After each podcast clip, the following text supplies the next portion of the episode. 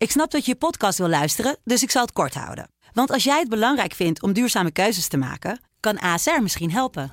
Nou hoor ik je denken, hoe dan? Nou, bijvoorbeeld bij het duurzaam herstellen van schade. Of de premies die we beleggen volgens ons duurzaam beleggingsbeleid. Dat bepaalt waar we wel en juist niet in investeren. Wil je meer weten over welke duurzame keuzes ASR maakt? Ga dan naar asr.nl slash duurzame keuzes. ASR doet het. Zo, dan kan je nu lekker naar je podcast luisteren. Dit is, dit is het land van Wierduk. Je ziet die clash gewoon. En je ziet ook dat de staat echt in conflict is met een heel groot deel van de burgerij. Een podcast van de Telegraaf met analyses op het nieuws die u elders niet hoort. Ik kon er toen al donder op zeggen dat dit zou staan te gebeuren. Ik heb al een paar jaar de angst dat dit uit de hand gaat lopen. Ze heeft al overal een mening over en die is ook niet altijd gefundeerd. Maar dat is jou niet vreemd, toch? Dat is mij niet vreemd, maar meestal heb ik toch wel, nou ja goed. Met Wierduk en Robert Ophorst. Ja. Hoe gaat het met je oogwiert? Uh, nou, een stuk beter. Want ik heb um, oogdruppels, ant antibiotica oogdruppels gekregen. Dan is binnen een dag of twee dagen is het al weer opgelost. Dan ben je, dan ben je ervan verlost. Ja, voor, ja, voor, degene die het gemist had, je had, je had vorige week zat je hier met een, met een oogontsteking. Uh, en een zonnebril. En een zonnebril op tegen het felle licht. Ja. Nou, nu fijn dat het uh, voorbij is. Zeker met deze felle zon. Die en we ook, temperaturen. en temperaturen, ja. Laten we maar meteen beginnen dan. Een, een, een schandvlek voor onze universiteit Leiden, waar zij zo graag mee geassocieerd wordt. We slagen er helaas lang niet altijd in mensen waar we zo hard voor werken te beschaven. Ja, dat, uh, deze woorden twitterde hoogleraar staats- en bestuursrecht Wim Voermans deze week. Het ging over rechtsfilosoof Reisa Blommestein. Uh, Blommestein is onlangs gepromoveerd aan de Universiteit van Leiden en die treedt nu voornamelijk op als uh, nou, commentator bij Ongehoord Nederland, moet Ja. ik zeggen. Daar kunt u haar van kennen. Daar riep ze onder andere deze week op dat eh, boerenbedrijven verdrongen worden om plaats te maken voor migranten. Nou, dat, dat schoot eh, Voermans kennelijk in het verkeerde keelgat.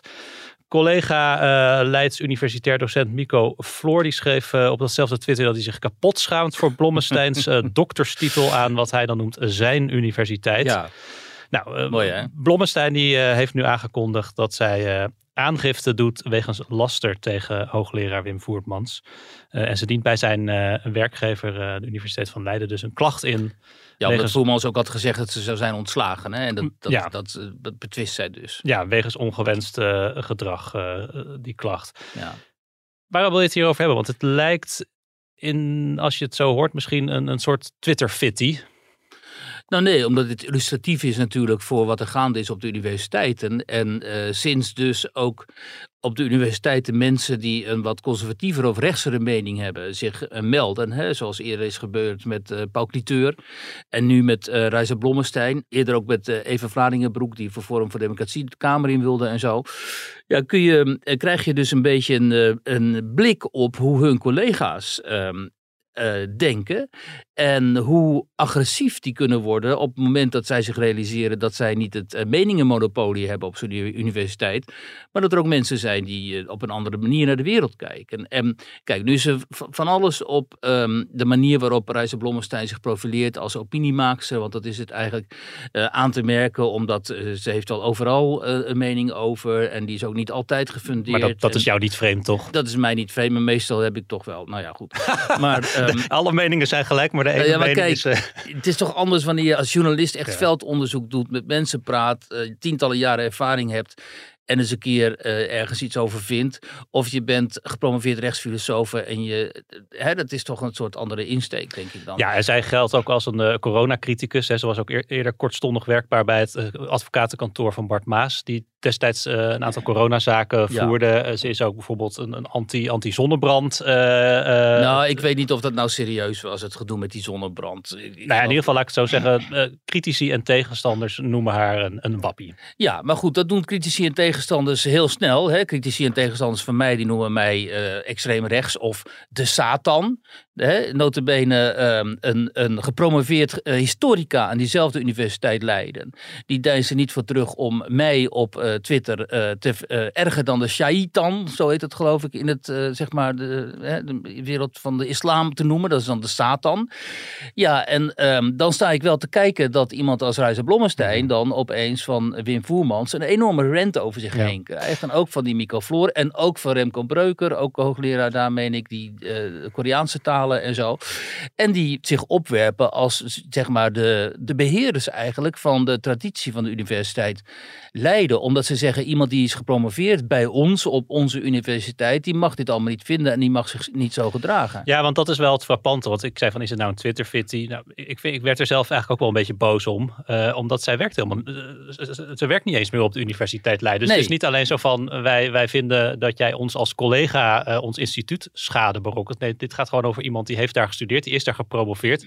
Die werkt nu elders. Ja. Uh, maar zij vinden gewoon van. Uh, ja, we willen je daar hebt niet... je niet zo te gedragen ja. als je op onze universiteit, Precies. die zij dus kennelijk als hun universiteit beschouwen, bent gepromoveerd. Dus Kijk, als, als, als, je het dan doortrekt, zou je kunnen zeggen van mogen er straks alleen nog maar mensen afstuderen en promoveren die aan de, aan, aan de, aan de juiste mening erop nahouden. Ja, en kijk, het gaat mij niet zozeer om die personen. Het gaat mij om de mentaliteit die erachter zit. De Universiteit Leiden heeft ook iemand als Leo Lucassen in dienst, hè, de migratiewetenschapper.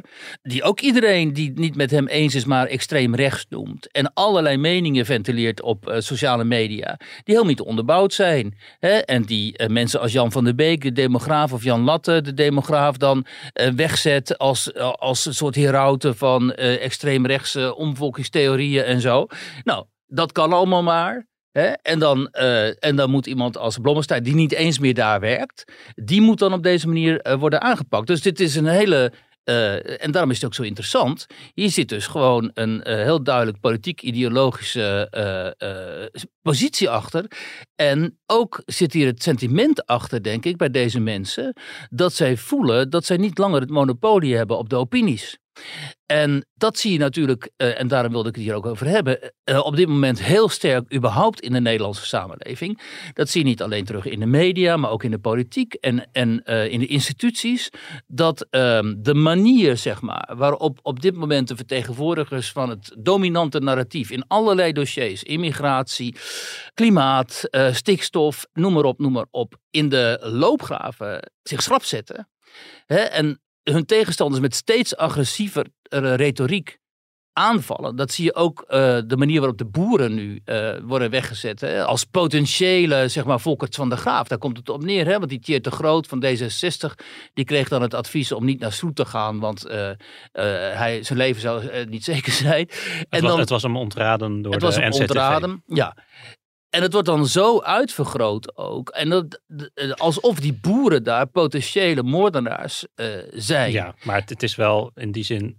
Um, als, als de NCTV zegt het is niet veilig om daarheen te gaan. Uh, en, en eerder hingen er ook al poppen aan, aan galgen boven de snelweg. Ja, wacht even, dat moeten we even goed in context plaatsen. Want die poppen aan die galgen, dat was dus bedoeld, voor zover ik dat heb begrepen, als symbool voor alle boeren die zelfmoord plegen.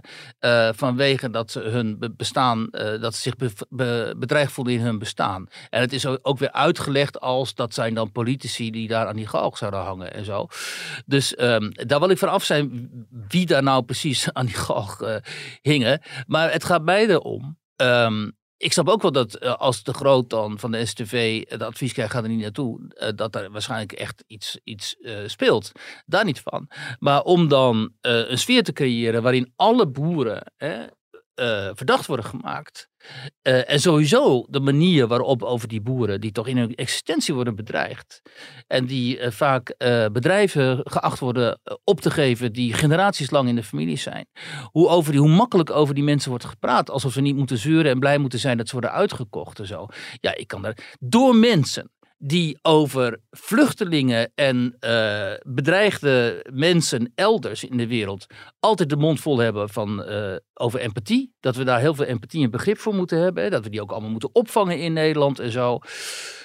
Terwijl voor die eigen boeren heb je alleen maar dédain en uh, uh, agressief taalgebruik over. Ja, dan denk ik, wat, wat, wat sport daar niet? Daar sport dus iets gewoon niet in de manier waarop, vind ik dan, hoe deze mensen uh, naar de wereld kijken. En um, ik wil niet zeggen dat Wim Voermans er zo, zo zijn. Alleen de, de, de agressiviteit van de manier waarop hij die Blommestein daar dacht te kunnen aanpakken.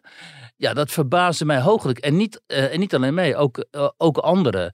En dat is ook een illustratie bij wat Gertjan Segers eerder zei deze week.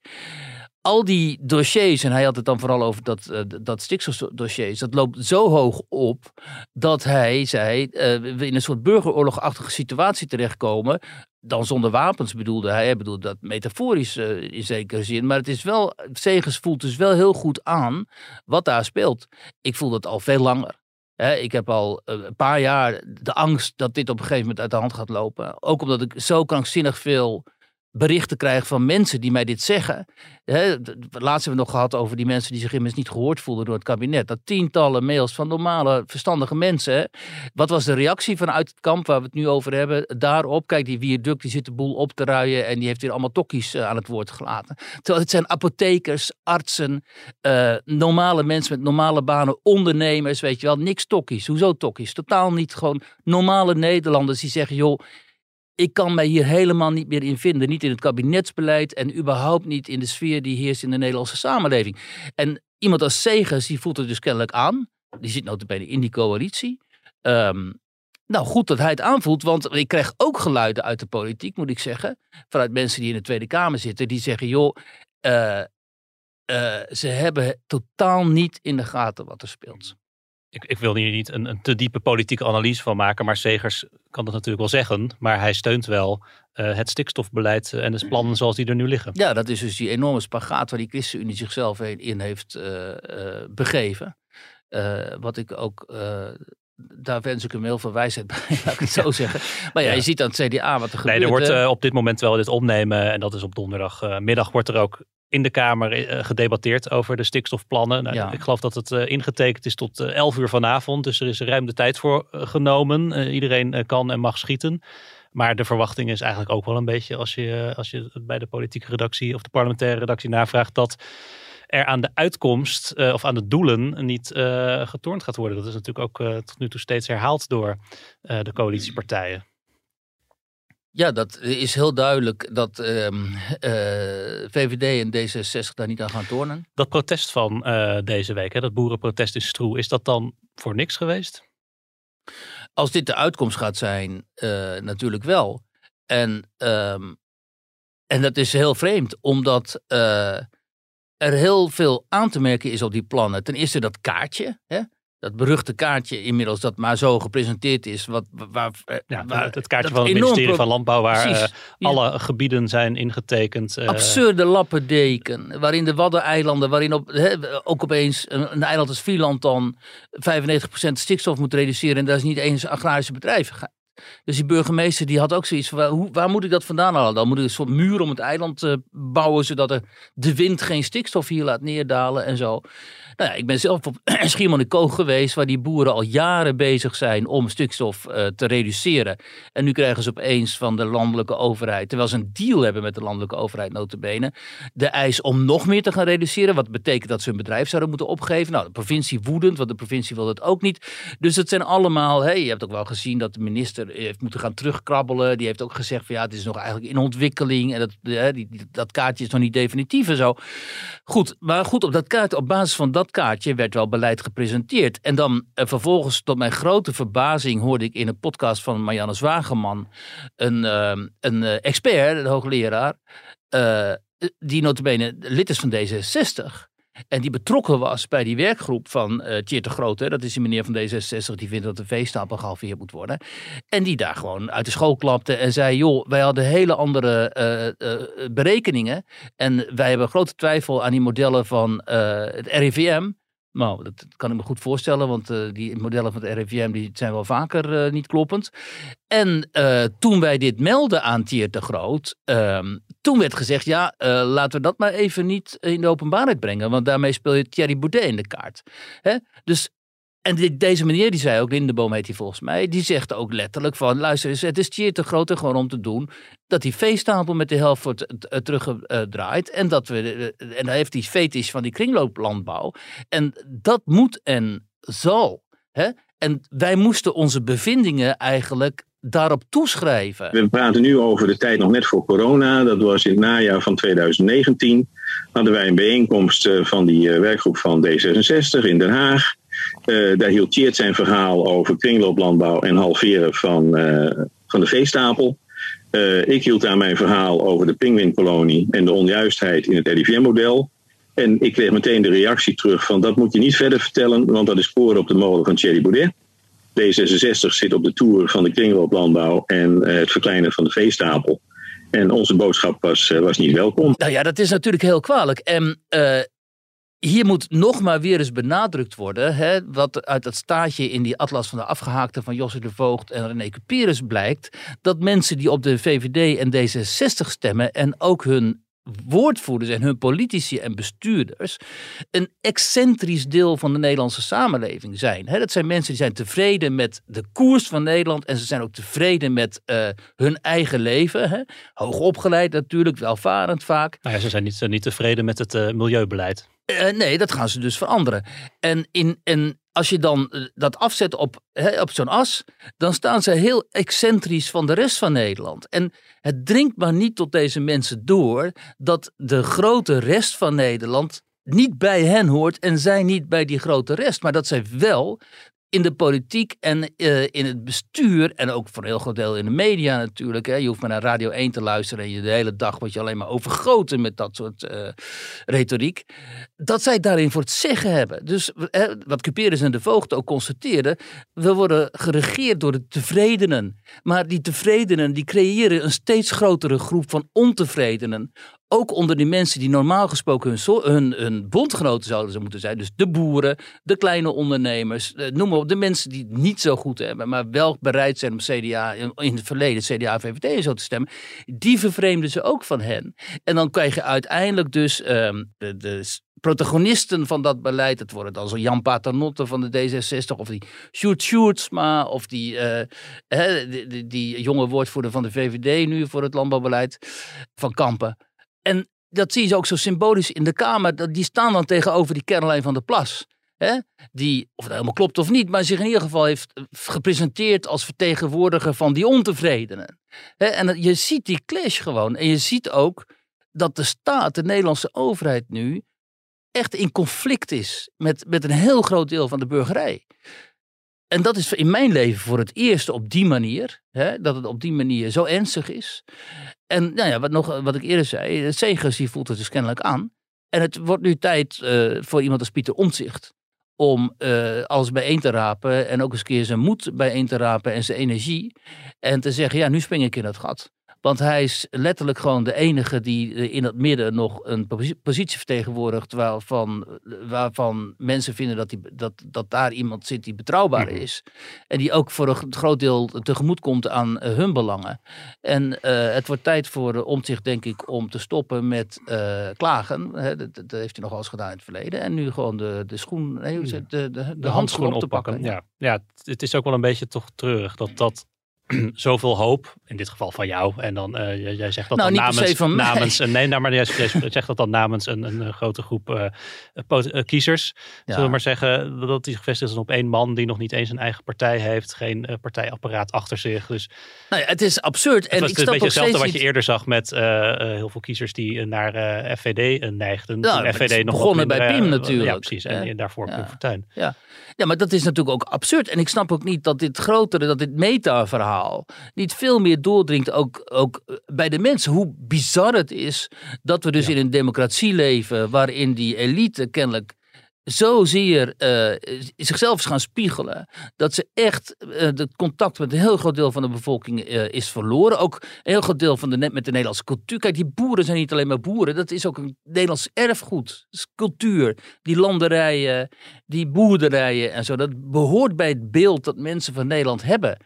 En als je dat niet respecteert. En je wilt daar gewoon die weilanden leegtrekken, zoals Rutte zegt. En je gaat mhm. daar bouwen. Hè, en je gaat daar ook bouwen uh, voor de nieuwkomers. Want er komen zoveel mensen, nieuwe mensen binnen, die moeten worden ondergebracht. En die gaan ook daar ondergebracht worden. Ja, dan jaag je zoveel mensen tegen je uh, in het harnas. Um, in een tijd waarin we te maken hebben met uh, hele grote hoge inflatie. Ook vanwege allerlei keuzes die Europa heeft gemaakt in zaken de omgang met Rusland.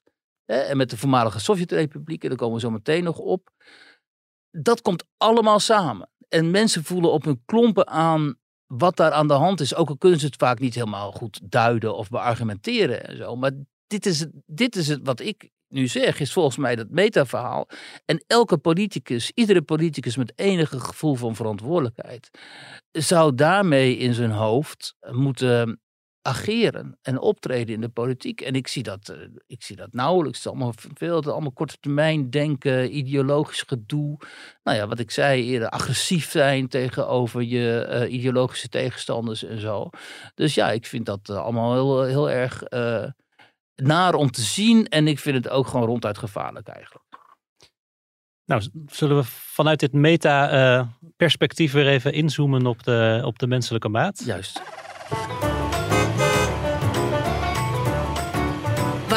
Was? Ja, vocht, schimmel, muizen. eh, de bewoners van de kasteelbuurt in Heerlen-Hoensbroek... Die, eh, die zijn niet blij met de volgens hen deplorabele staat van hun woningen. En dan zit er ook nog eens een, eh, een huurverhoging aan te komen... door de wooncorporatie Woonpunt in dit geval. Jij was daar deze week voor jouw rubriek in Nederland, in Heerlen dus. Wat is dat voor wijk? Ja, dat is een oude mijnwerkerskolonie, zoals het heet. Dus die 100 jaar geleden gebouwd daar. Vandaar dat je die staatsmijn Emma. En die mijnwerkers die daar eh, werkten, ja, die moesten onderkomen hebben. Dus toen hebben ze daar deze huizen neergezet. En het zijn eigenlijk soort nood- noodwoningen. Dus ze voldoen eigenlijk helemaal niet, al, al 100 jaar niet aan... eh, ook, Ja, maar er hangen geen zachtjes snorrende warmtepompen... en Nee, niet. vrolijk blinkende zonnepanelen op het dak. Nee, ook na de paar renoveringsrondes niet. En het is gebouwd op moerassig gebied. Dus die, dat vocht dat trekt in die kelders. En daar is dus is ook sprake van achterstallig onderhoud door die woningcorporatie. Niet door de nieuwe bestuurders, maar wel door de vorige bestuurders. Die hebben er puinhoop van gemaakt, begreep ik. En die bewoners, die krijgen nu een eh, huurverhoging voor de kiezer van 13 euro per maand. Nou ja, dit is een sociaal eh, heel eh, kwetsbare wijk, zoals het heet. Hè, met veel werkloosheid en mensen die in de bewindvoering zitten. Dus die hebben nou ook geld. Dat wordt allemaal beheerd door die bewindvoerder en zo. Schulden dus. Eh, dus voor hen is 13 euro al veel. Maar ehm, ze beschouwen dat als heel erg onrechtvaardig. Omdat eh, ze leven dus te midden van schimmel en vocht. En ik heb een paar van die woningen mogen bekijken. Ja, dan eh, schrik je wel. Want er is allemaal van die zwarte schimmelplekken en zo. En een vrouw die liet mij filmpjes zien van toen het regende. En toen regende het gewoon bij haar in. Je zag het ook gewoon druppelen, weet je wel. Iemand anders die had van die vocht, die had vocht opgevangen in de meterkast en zo. Nou, die, dat blikje was gewoon half vol.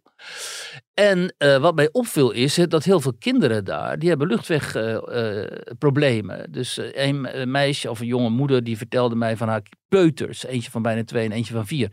Die hadden al allebei in het ziekenhuis gelegen, echt met enorme benauwdheid. En die moesten aan de zuurstof, zei ze. En zelf legde zij dat verband niet met die schimmel. Maar toen zei ik van jongens, als er zoveel kinderen hier in de wijk echt astma hebben of bronchitis of gewoon in het ziekenhuis terechtkomen. Ja, dan kan natuurlijk bijna één op één kun je er donder op zeggen dat het met, die, met dat vocht en die schimmel te maken heeft. Het is Ja, dus super het- ongezond. Het, het, ging niet eens zozeer om die huurverhoging. Het ging er ook vooral om, pak die woningen nou eens aan. Pak die woningen aan. En Woonpunt wil dat niet. En eh, ja, die, moeten zoveel woningen aanpakken. Want die, dat is de grootste sociale verhuurder daar in Zuid-Limburg. Dus die hebben wel meer woningen aan te pakken. Maar deze mensen, die haalden hoop uit een eh, actie in een wijk verderop, Versilienbos. Waar dezelfde problematiek eh, speelt. En daar zijn ook mensen gaan protesteren tegen die huurverhoging. En die hebben gelijk gekregen van Woonpunt. Dus daar gaat de huurverhoging niet door. En nu willen ze daar in die kasteelbuurt eh, dat ook eh, bewerkstelligen. Nou, ehm, het is wel mooi als je daar die wijk dus inkomt. Is het net of je op zo'n kamp terechtkomt. Hè? Of camping. Of weet je wel, op zo'n woonwagenkamp. Eh, zo leven ze ook. Hebben veel van tuin, tuinkabouters in de tuin en zo. Dat- Dat, dat is een teken van eh, een, een woonwagenkamp. Nee, omdat ze, de, ze maken echt iets van alsof het een soort camping is. Snap je? Dus ehm, eh, ze zitten voor in de. In de eh, ze zijn niet afgesloten. Ze zijn dus met elkaar leven ze daar. Dus ze gaan makkelijk bij elkaar langs. Eh, dat zei een van die, van die meiden ook van ja, als ik niet thuis ben, de deur staat open. En als mijn buurvrouw iets wil hebben, dan pakt ze het gewoon en legt ze een briefje neer van ik heb dit en dit gepakt en zo. En inderdaad, ehm, met die tuinkabouters en zo.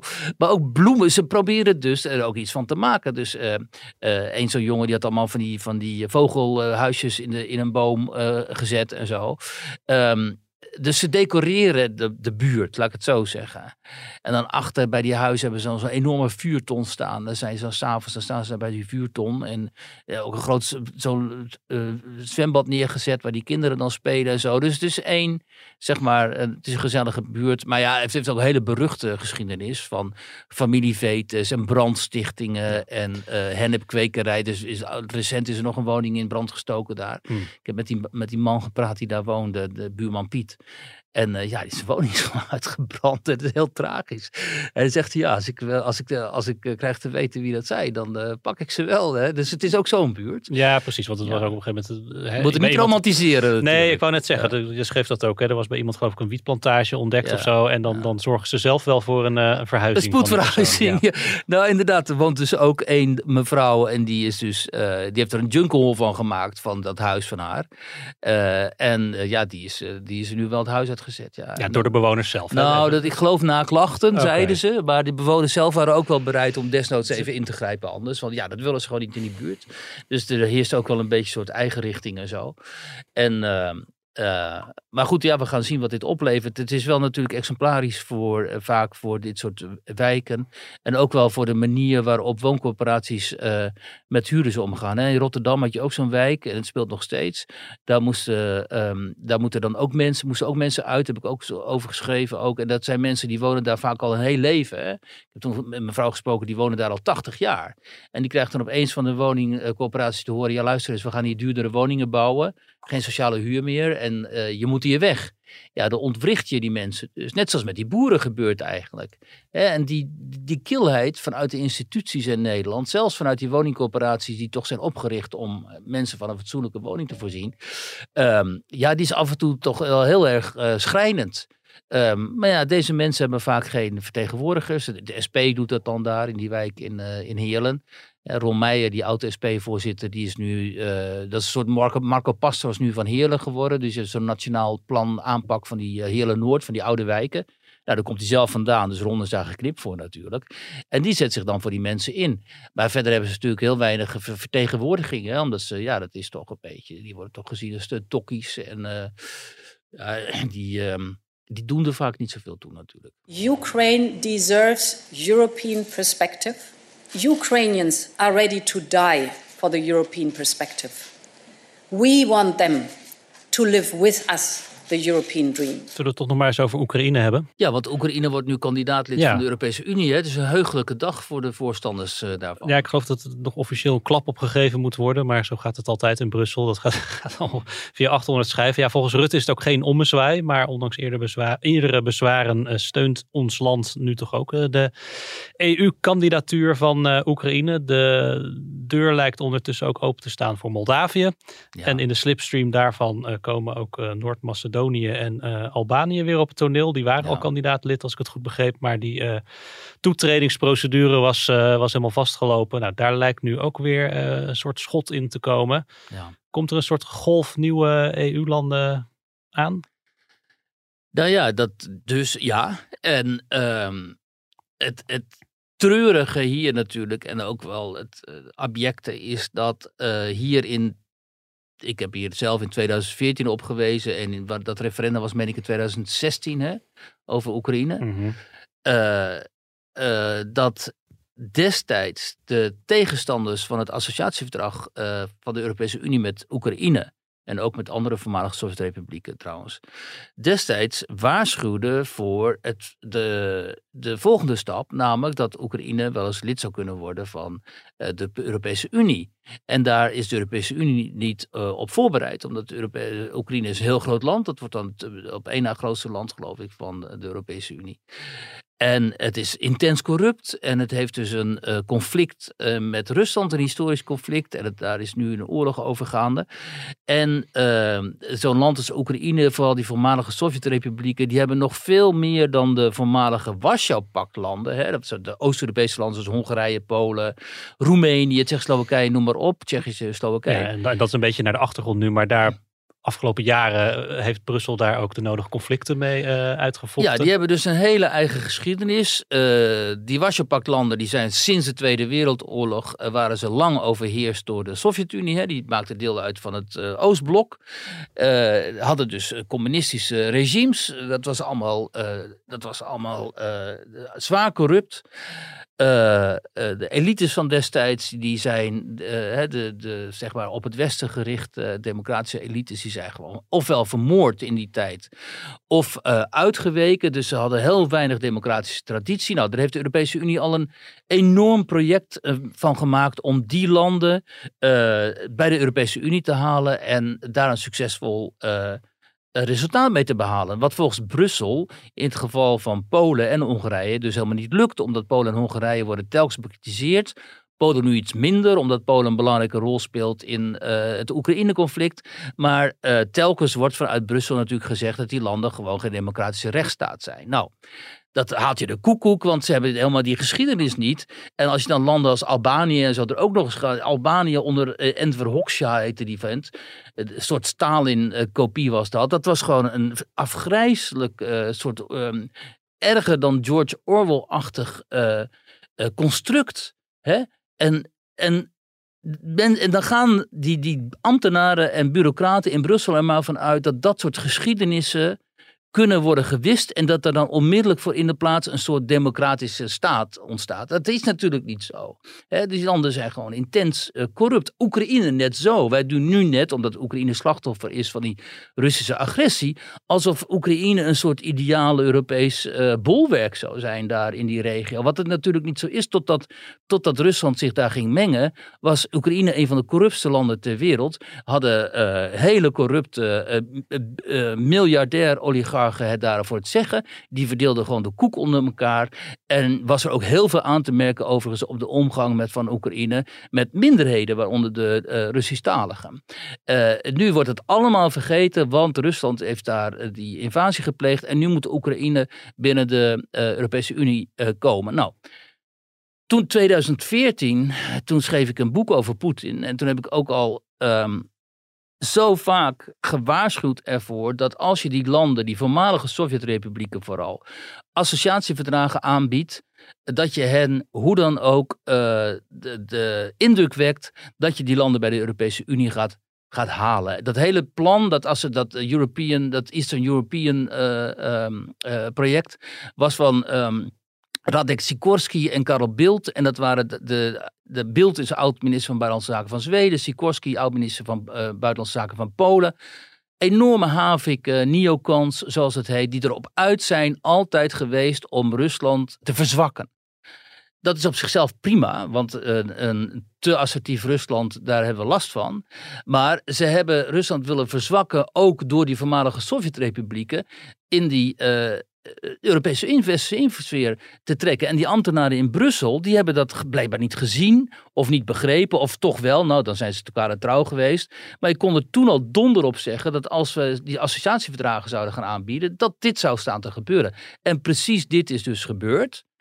En wat schetst nou mijn verbazing als je zegt van luister eens, al in 2014 hebben zoveel mensen hiervoor gewaarschuwd. Al in 2016 tijdens het referendum zei de Nederlandse electoraat, uh, we willen dat niet en nu gebeurt het toch. En als je dat dan zegt, dan zeggen de, de tegenstanders van weleer, hè, die, voorstanders waren van het associatieverdrag, ja luister, is allemaal onzin. De, de, ehm, de, feiten op de grond zijn gewoon veranderd en daar is Rusland schuld aan. Dus uh, destijds uh, was dit helemaal niet de En je kletst dus maar wat. Ja, weet je, daar is ook moeilijk mee uh, te discussiëren dan. Maar goed, het is nu een feit dat dit uh, gaat gebeuren. En nu wordt gezegd, ja, gaat nog jaren duren, gaat nog wel tien jaar overheen voordat dit überhaupt uh, gerealiseerd gaat worden. Maar ook al is het tien jaar, hè. Poetin blijft nog wel enkele jaren. Na Poetin komt ongetwijfeld een opvolger die hetzelfde zal vinden, dezelfde gedachten zullen hebben over de, wat de Russische geopolitieke invloedssfeer is. En daar valt altijd Oekraïne in. Altijd, uh, en Georgië ook, want Georgië hè, is dan, uh, en Moldavië ook. Dus we zullen altijd te maken krijgen met een, een agressief Rusland, omdat zij niet zullen accepteren dat deze voormalige Sovjet-republieken, de Baltische landen zijn dat al, Maar dat, ook deze voormalige Sovjet-republieken deel zullen worden van de invloedssfeer van het Westen. Dus we, we, we jagen komende generaties, zadelen we op met uh, een groot probleem en ook met een groot gevaar. Zitten er ook nog positieve kanten aan? Kan Oekraïne ons wat, wat brengen als, als, als mede-EU-lid? Nou ja, graan en zo geloof ik. Hè? En, uh, en, en goedkope arbeidskrachten natuurlijk. Want da, dat, dat is natuurlijk ook wat hierachter zit. Hè? Uh, we hebben de Polen en zo gehad. En die, toen die Polen wegtrokken uit Polen, gingen Oekraïners naar Polen toe die, die gingen daar dus het werk doen. En wij gaan op een gegeven moment gaan wij Oekraïners hier naartoe halen. Omdat zogenaamd uh, dat goed zou zijn uh, tegen, die, uh, tegen die vergrijzing. Dus op die manier zal er ook wel naar gekeken worden. Kijk, het enige, als ik echt een tour de force uithaal met denken over deze situatie. Dan zou het enige positieve kunnen zijn dat misschien, misschien in Rusland een generatie opstaat die zegt: joh, we hebben genoeg van dat conflict met het Westen. We willen geen conflict met het Westen. We jagen die oude garde die daar nu zit, die jagen we gewoon uit het Kremlin. En we zetten daar redelijke mensen neer die bereid zijn om uh, met, met Oekraïne en Georgië en westerse landen samen te werken. En te zorgen voor welvaart en voor vrede. Uh, maar nu op het moment dat ik dit zeg, uh, wil ik mezelf eigenlijk al tot de orde roepen, omdat dit gewoon helemaal nooit gaat ik, gebeuren. Ik, ik, ik wou, wou net zeggen, ja. dat is bij elk land wat uh, het zij een dictatuur, een dictatuur ja. is, of het zij een burgeroorlog is, of het zij op, op, een andere manier instabiel is, is dat natuurlijk altijd de, de hoop van, van Irak tot ja. Noord-Korea, tot, tot Syrië. Tot, uh, en dat nou is bijna nergens gelukt. En nee. op dit moment uh, is het in Rusland natuurlijk ook zo dat de grote meerderheid van de bevolking gewoon achter, dit, achter die plannen en dit project van Poetin staat. omdat ze ja, omdat ze ook vinden dat, dat Rusland een grootmacht is die bedreigd wordt door die NAVO-uitbreiding, door die uitbreiding van de Europese Unie. En dat ze het recht hebben om zich daartegen, zoals zij dat zien, uh, te verdedigen. En dan kunnen wij hoog en laag springen en zeggen, ja, maar dit is geen verdedigen. Dit is gewoon een brute, wrede dit is, invasie. Dit, ja, dit is vernietigen. Ja, dit is eerder vernietigen. En dan zullen zij zeggen, ja joh, maar daar zijn jullie zelf mede schuldig aan. En... Uh, en om nooit in te gaan op dat verwijt, hè, dat, dat, dat we toch geprobeerd hebben om die voormalige Sovjet-republieken, om daar onze invloed te laten gelden en dat we daar ook wel eens met vuur kunnen hebben gespeeld.